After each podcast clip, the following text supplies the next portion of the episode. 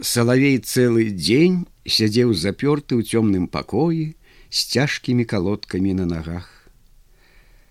Гнеў пана вашамірскага быў вялікі, бо салавей адлучыўся з маёнтка ў апошні дзень перад спектаклем. Яго адсутнасць была заўважана ксяндзом марцевічам у часе звычайнага начнога абыходу спальных пакояў актораў. У каморцы, дзе сядзеў салавей, было так цёмна, што нават рукі сваёй нельга было бачыць. Рухацца таксама было цяжка, бо калодкі прыкоўвалі ногі да падлогі. Ён сядзеў нерухома на месцы, аддаючы ўсю ўвагу слыху, Сіла зроку і рухаў перайшла ў слых. Вушы яго лавілі кожны шорах у затхлым паветры каморкі.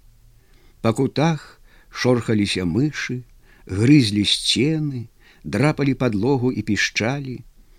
Ён рад быў, што ў суседстве знаходзяцца хоць такія жывыя істоты. Часам, як зварухнецца з месца, рабілася ціха, мышы палохаліся. Хвілінамі на яго нападала вялікая нуда.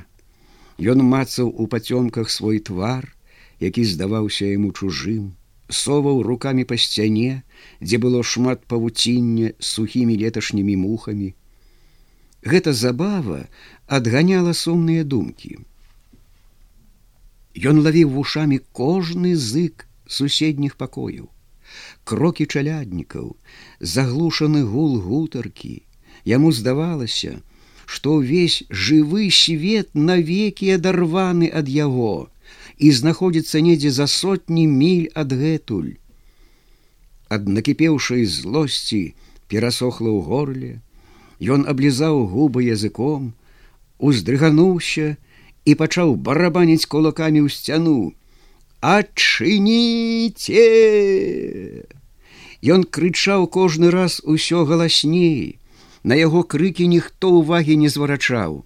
Адчыніце раптам салавей змоўк і пачаў пільна прыслухоўвацца з глыбі панскіх пакояў пачуўся звон вялікага гадзінніка мядзяныя гукі расплываліся мякка, задумёна і ўрачыста, дрыжэлі ў вушах доўга, ледзь прыкметнымі пералівамі адгалоскаў. Салавей супакоіўся. Зрабілася лёгка на душы, нібы хтосьці блізкі пяшчотна пагладзіў яго па валасах. Успомніў зочку, але кожны новы звон гадзінніка, навіваў яму новыя думкі. Нядобра жыць так на свеце. Нядобра быць забавай у пана. Добра спяваць салаўём тады, калі самому хочацца, а не па загаду пана. Чым больш ён думаў аб гэтым, што добра і што нядобра, тым больш ён быў абураны на пана вашамірскага у яго душы рос і крэп чалавечы гонар, той гонар, якога не аддасі ні за якія грошы, ні за які дабрабыт, ні за якія панскія падарункі. Салавей сціснуў кулакі ад злосці, увесь напружыніўся да хрусту касцей і падняўся з месца. Але цяжкія калодкі на нагах, давалі сябе адчуваць, Ён зноў сеў, сцяўшы зубы. Нядобра быць панскім салаўём. Ён апусціў галаву на грудзі, доўгі час сядзеў нерухомы, акамянелы. Усе думкі выскачылі з галавы, як спалоханыя вераб'і. Мышы зноў скрабліся вакол.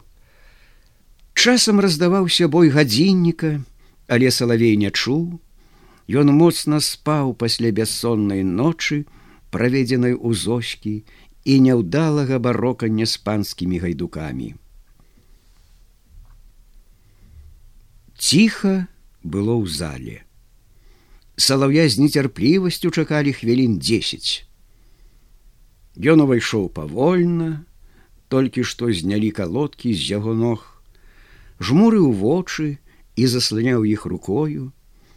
Адседзеўшы ў цёмнай каморы цэлы дзень, яму цяжка было глядзець цяпер на яркае святло. Ён быў у дзівацкім аксамітным шырокім адзенні з вышытымі залатымі салаўямі. На грудзях з рознакаляровых пацерак быў зроблены герб панова шамірскіх высокі, стройны, у такой незвычайнай мантыі, Салавей нагадваў сабою жраца невядомай рэлігіі невядомых часоў. Бровы ў салаўя былі грозна нахмураны, вочы кідалі вакол сінія вострыя нажы. Чорны аксаміт убрання адцяняў яго бледны твар. Госці атарапелі пану вашамірскаму вельмі да сэрцы было тое ўражанне якое салавей зрабіў на гасцей сваім выглядам. Пан усміхаўся самазадаволены а во зараз шаноўныя госці пачуеце яго спевы можа у яго захаваны такія штучки праз якія ён свішча? Запытаўся пан завішша і пакруціў доўгія вусы.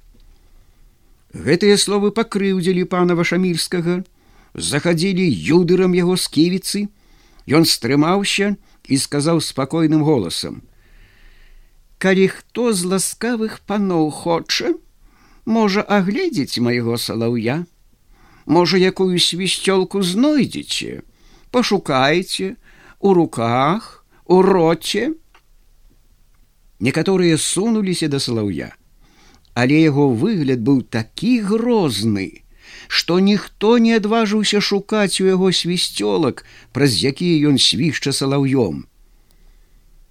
Пані вашамірская глядзела на салаўя ў нямым здзіўленні і абогатварэнні ну сказаў пан вашамірскі да салаўя пачынай.